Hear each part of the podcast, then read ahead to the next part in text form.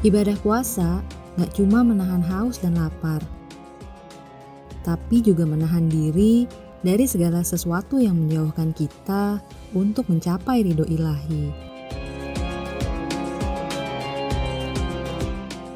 Ada pepatah bilang, If you can learn self-control, you can master anything. Bukan perkara mudah menerapkan ilmu pengendalian diri dibutuhkan perjalanan panjang dan juga konsistensi.